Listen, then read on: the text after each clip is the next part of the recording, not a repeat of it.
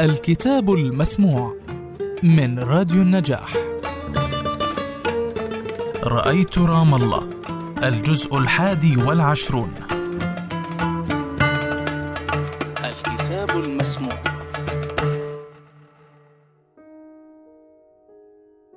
منذ السبعة وستين والنقلة الأخيرة في الشطرنج العربي نقلة خاسرة نقلة إلى الوراء.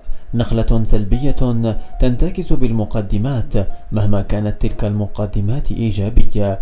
بعد معركة الكرامة التي خاضها الفلسطينيون والأردنيون معا ضد العدو ذهبنا إلى أيلول ضد أنفسنا. بعد حرب الثلاثة وسبعين وعبور القناة ذهبنا إلى كامب ديفيد. بعد مناهضتنا في كامب ديفيد عربناها وعممناها وقبلنا ما هو أقل منها فائدة. وأكثر منها فضيحة. بعد الاجتياح الإسرائيلي للبنان خرجت منظمة التحرير من الصمود البطولي إلى الاقتتال والاعتدال والتكيف مع شروط أعدائها. بعد الانتفاضة الشعبية على أرض فلسطين ذهبنا إلى أوسلو. دائما نتكيف مع شروط الأعداء. منذ السبعة وستين ونحن نتأقلم ونتكيف. وها هو بنيامين نتنياهو.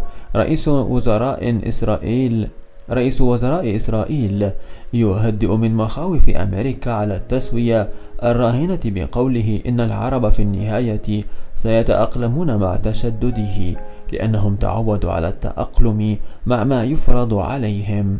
هل أنا معقد من السبعة وستين؟ نعم أنا معقد. الكمال لله؟ هزيمة حزيران لم تنتهي. في ثاني أيام الحرب ومع ارتفاع وتيرة الأناشيد الوطنية والبيانات. والبيانات المضفرة من الإذاعة. تدفق طلاب الجامعة على مراكز التطوع للذهاب إلى الجبهة وقفت في طابور المتطوعين وسجلت اسمي. أعطوني بطاقة صغيرة خضراء وعليها اسمي وتحت عبارة وتحته عبارة واحدة تقول يستدعى للخدمة يوم 12 يونيو 1967 ويوم التاسع من يونيو جلست إلى التلفزيون في شقتي بالزمالك أشاهد خطاب جمال عبد الناصر والأمة كلها معلقة بشفتيه في تلك الليلة.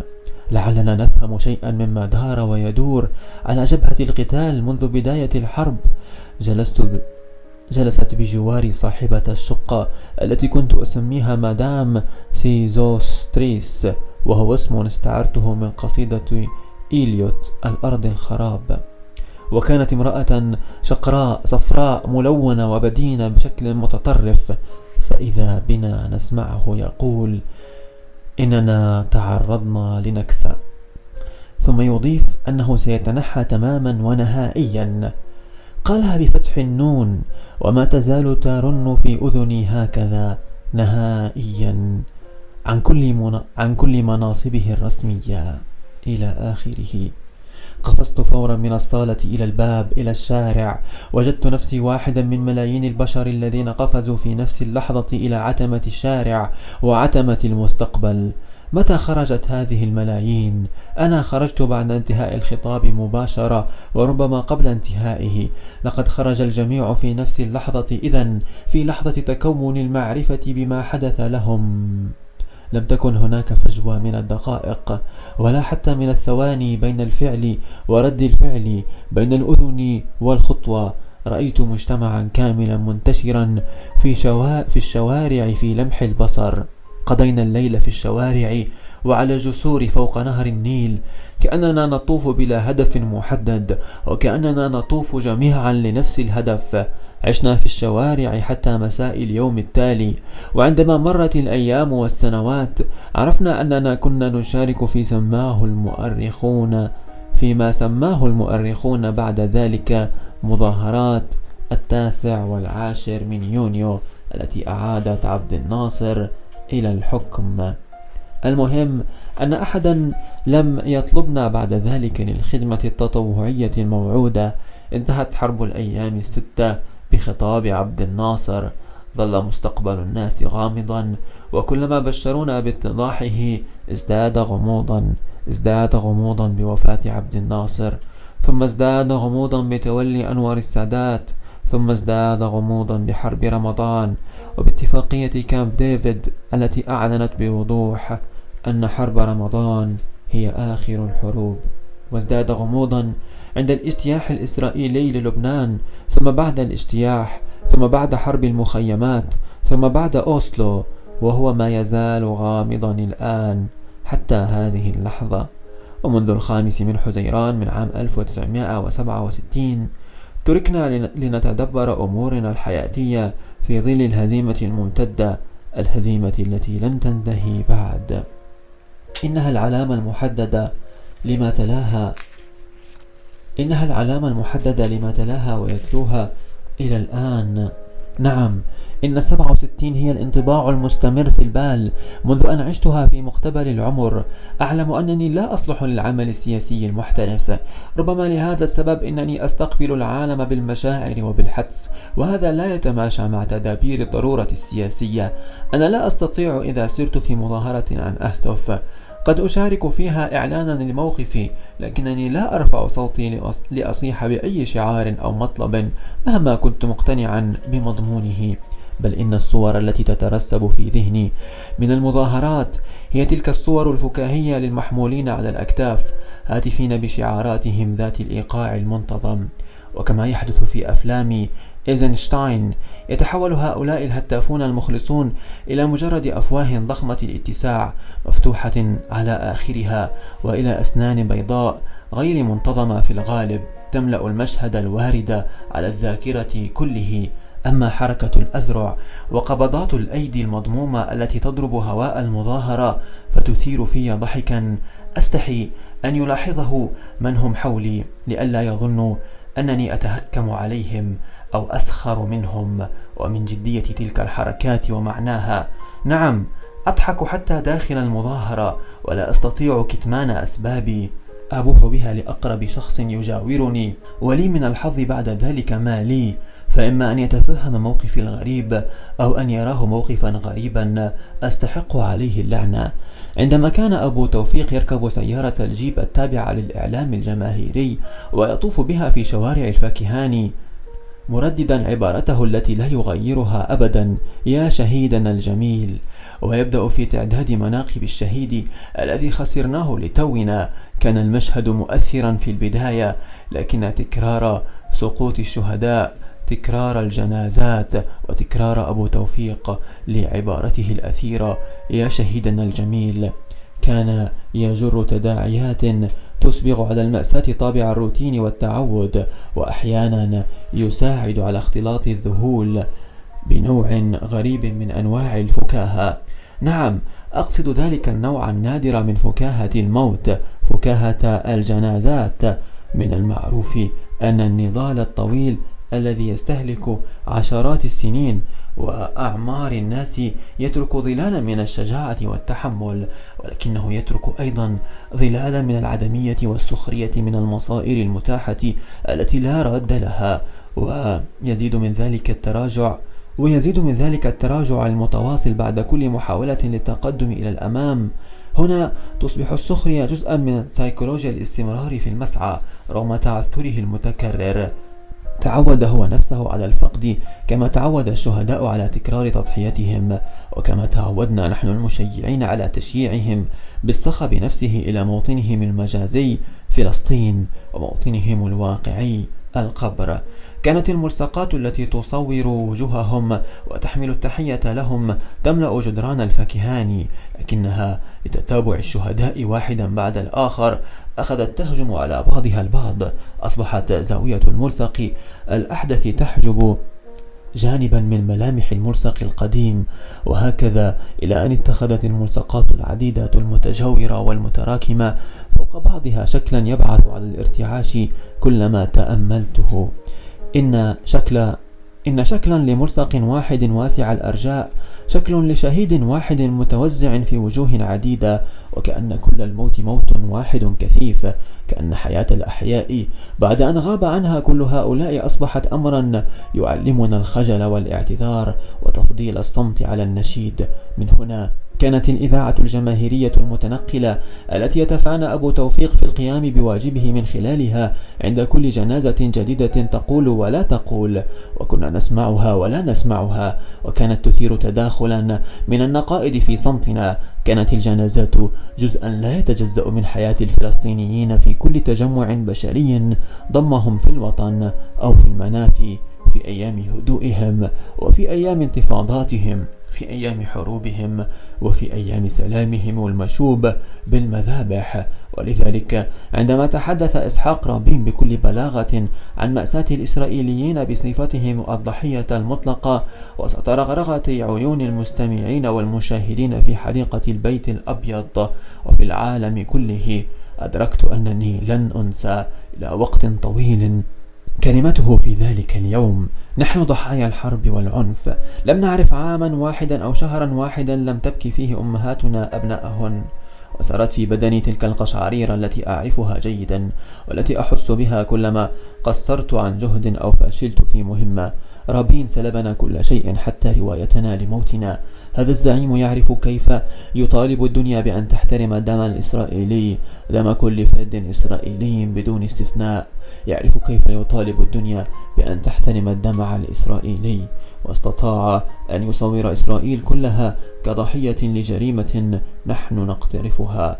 يقلب الحقائق يغير الترتيب يصورنا وكأننا البادئون للعنف في الشرق الأوسط ويقول ما يقول ببلاغة وبشكل يمكن تصديقه وتبينه.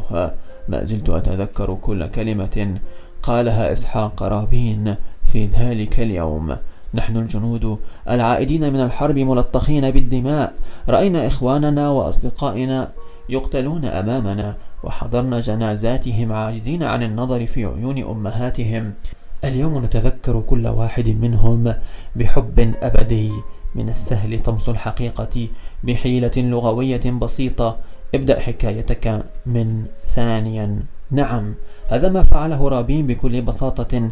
لقد أهمل الحديث عما جرى أولا ويكفي أن تبدأ حكايتك من ثانيا حتى ينقلب العالم. ابدأ حكايتك من ثانيا. تصبح سهام الهنود الحمر هي المجرمة الأصلية وبنادق البيض هي الضحية الكاملة. يكفي أن تبدأ حكايتك من ثانيا حتى يصبح غضب السود على الرجل الأبيض هو الفعل الوحشي. يكفي أن تبدأ حكايتك من ثانيا حتى يصبح غاندي هو المسؤول عن مآسي البريطانيين. يكفي, يكفي أن تبدأ حكايتك من ثانيا حتى يصبح الفيتنا حتى يصبح الفيتنامي المحروق.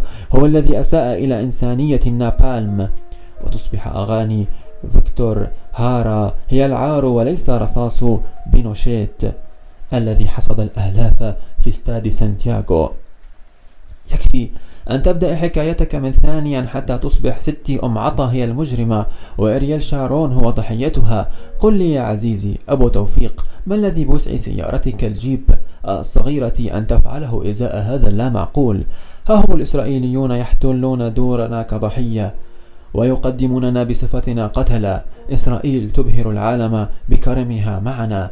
قال رابين إن توقيع إعلان المبادئ ليس سهلا ليس سهلا بالنسبة لي كمحارب في جيش إسرائيل وفي حروبها ولا لشعب إسرائيل ولا, ولا لليهود في الدياسبورا. منازلهم المبنية فوق منازلنا تعلن بشهامة نادرة استعدادها لتفهم هوايتنا الغريبة في سكن في سكن المخيمات المبعثرة في شتات الآلهة والذباب. كأننا كنا نرجوهم أن يطردونا من منازلنا ونتوسل إليهم أن يرسلوا بلدوزراتهم لهدمها أمام أعيننا. بنادقهم الكريمة في دير ياسين تغفر لنا أنها كومت أجسادنا في ساحة غروب هناك ذات يوم. طائراتهم الحربية تسامح مقابر شهدائنا في بيروت. جنودهم يسامحون قابلية عظام مراهقين للكسر إذا ما دقها أحدهم بحجر ضخم. إسرائيل الضحية تطفي على سكينها الساخن الملون وميض الصفح وحتى يكتمل الوجع. قالت ذلك وصورته ببيان مبهر. وإن من البيان لسحرا في احتفال الدنيا المصغية والمفتوحة العينين لم يتذكر أحد شهيدنا الجميل يا عزيزي أبو توفيق حتى نحن أهله الناطقين باسمه لم نتذكره. يوم القيامة اليومي المخدة سجل حياتنا المسودة الأولية لروايتنا التي كل مساء جديد نكتبها بلا حبر ونحكيها بلا صوت ولا يسمع بها أحد إلا نحن. هي حقل الذاكرة وقد تم نبشه وحرثه وتثنيته وعرسفه وتخصيبه وريه في الظلام الذي يخصنا. ولكل امرئ ظلامه لكل امرئ حقه في الظلام. هي الخربشات التي تأتي على البال بلا ترتيب ولا تركيب. المخدة هي محكمتنا القطنية البيضاء الناعمة الملمس القاسية الأحكام. المخدة هي مساء المسعى. سؤال الصواب الذي لم نهتدي إليه في حينه والغلط الذي ارتكبناه وحسبناه صوابا. وعندما تستقبل رؤوسنا التي تزدحم فيها الخلائط مشاعر النشوة والرضا أو الخسران والحياء من أنفسنا. تصبح المخدة ضميرا وأجراسا عسيرة. إنها أجراس تقرع دائما لنا ولكن ليس من أجلنا ولا لصالحنا دائما. المخدة هي يوم القيامة اليومي. يوم القيامة الشخصي لكل من لا يزال حيا. يوم القيامة المبكر الذي لا ينتظر موعد دخولنا الأخير إلى راحتنا الأبدية. خطايانا الصغيرة التي لا يحاسب عليها القانون والتي لا يعرفها إلا الكتمان المعتنى به جيدا تنتشر في ظلام الليل على ضوء المخدات التي تعرف المخدات التي لا تكتم الأسرار ولا يهمها الدفاع عن النائم. جمالنا الخفي عن العيون التي أفسدها التعود والاستعجال. جدارتنا التي ينتهكها القساة والظالمون كل يوم لا نستردها إلا هنا ولولا أننا نستردها هنا كل ليلة لما استطعنا الاستمرار في اللعبة في الحياة.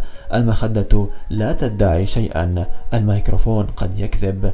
الغزل المنابر الأرقام الرسائل التقارير الواعظ القائد الطبيب الأم قد تكذب. المخدة منسوجة من نسيج الحقيقة. الحقيقة بصفتها سرا. قد تواريه حسابات النهار. كم ادعى المهزوم نصرا وصدقه؟ لكنه يضع رأسه على مخدته الصغيرة. فتأتي له بالخبر اليقين حتى وإن أنكره. لم أنتصر. يقولها لنفسه دون أن ينطق بها وإن لم يجرؤ هو على قولها تجرؤ. هي لم تنتصر يا هذا. قد يعاود الظهور بمظهر المنتصر أمام الملأ. قد يؤيده البعض لكن هذا البعض أيضا سيرتعش. تلك الرعشة الباردة عندما يختلي بالنفس في مساء مواقفه المحسوبة ومساء تأييده الملفق. جدارة العمر إقرار الذات. الشعور بالزهو واعتناق رواية من الروايات دون غيرها. كل هذه التيقنات الأكيدة نهارا وفي غبار الازدحام الإنساني وفي حمى المنافسة والصراعات تحولها مخداتنا إلى مجرد فرضيات. المخدة هواجس تطالبنا بأن تمتحن جيدا وبلا رأفة. مستلقيا على ظهري في السرير أصابع يدي تتشابك تحت رأسي على المخدة. لم أعرف ما الذي أبقى عيني مفتوحتين باتجاه السقف والسقف لم يعد له وجود في هذه العتمة التامة كأن النوم لا يخصني. كأنه اختراع قصد به سواي هذه ليلتي الأخيرة في رام الله. ليلتي الأخيرة في هذه الغرفة الصغيرة وتحت نافذتها مطلة على أسئلة لا حصر لها والمطلة أيضا على مستوطنة. كأنني بتجاوز ذلك الجسر الخشبي الصغير. تمكنت من المثول أمام أيامي وجعلت أيامي تمثل أمامي. ألمس تفاصيل منها بلا سبب وأهمل تفاصيل منها بلا سبب. ثرثرت لنفسي عمرا كاملا وزواري يحسبونني صامتا. عبرت الجسر المحرم علينا وفجأة انحنيت ألملم شتاتي كما ألم جهتي معطفي إلى بعضهما في يوم من الصقيع والتلهف أو كما يلملم تلميذ أوراقه التي بعثرها هواء الحقل وهو عائد من بعيد. على المخدة لملمت النهارات والليالي. ذات الضحك ذات الغضب ذات الدموع ذات العبث وذات الشواهد الرخامية التي لا يكفي عمر واحد لزيارتها جميعا من أجل تقديم الصمت والاحترام. أهيئ حقيبتي الصغيرة استعدادا للعودة إلى الجسر إلى عمان فالقاهرة ثم إلى المغرب حيث سأقرأ شعرا في أمسية بالرباط. أقضي في الرباط أقل من أسبوع ثم إلى القاهرة لأعود وبصحبة رضوى وتميم لقضاء الصيف مع أمي وعلاء في عمان. في عمان سأنتظر تصريح تميم. سأعود معه إلى هنا. سيراها سيراني فيها وسنسأل كل الأسئلة بعد ذلك. الليلة وكل من في البيت نائم والصباح وشيك. أسأل سؤالا لم تجد لي الأيام جوابا عليه حتى هذا المساء. ما الذي يسلب الروح ألوانها؟ ما الذي غير قصف الغزاة أصاب الجسد؟ قدمنا لكم من راديو النجاح برنامج الكتاب المسموع. وحلقة اليوم من كتاب رأيت رام الله الجزء الحادي والعشرون.